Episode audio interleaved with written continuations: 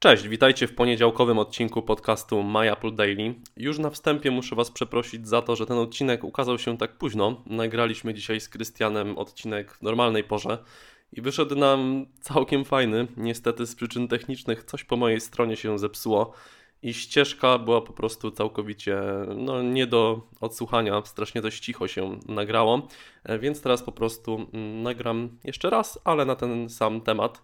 Chciałem dzisiaj pomówić o tym, czym pochwalił się Microsoft, a konkretnie Brian Hall, który odpowiada mm, za linię produktów e, Surface.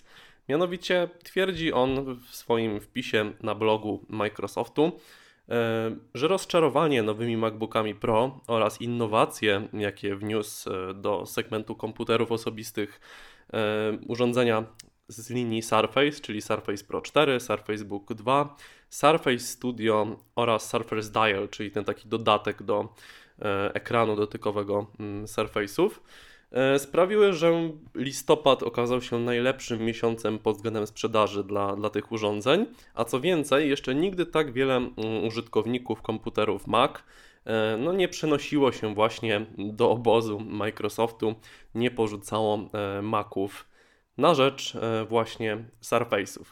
To, o czym mówi Hall, nieco kontrastuje mm, z tym, o czym ostatnio mówił Phil Schiller, czyli dyrektor do spraw e, marketingu oraz App Store w Apple. Mianowicie Schiller mm, pochwalił się, e, że jeszcze nigdy w historii MacBooków Pro nie było takiego popytu na te laptopy, co teraz w przypadku tych najnowszych e, urządzeń. E, I w ogóle Apple zwiększyło zamówienia na podzespoły do tych komputerów ze względu na to, że sprzedają się one e, tak dobrze. Warto też mieć na uwadze, że zaraz po prezentacji MacBooka Pro Microsoft na terenie Stanów Zjednoczonych wdrożył taki program i użytkownicy właśnie MacBooków Pro albo R mogli mm, dostać bon do wartości, o wartości nawet 650 mm, dolarów, jeżeli właśnie kupowali jakiś komputer e, z linii Surface.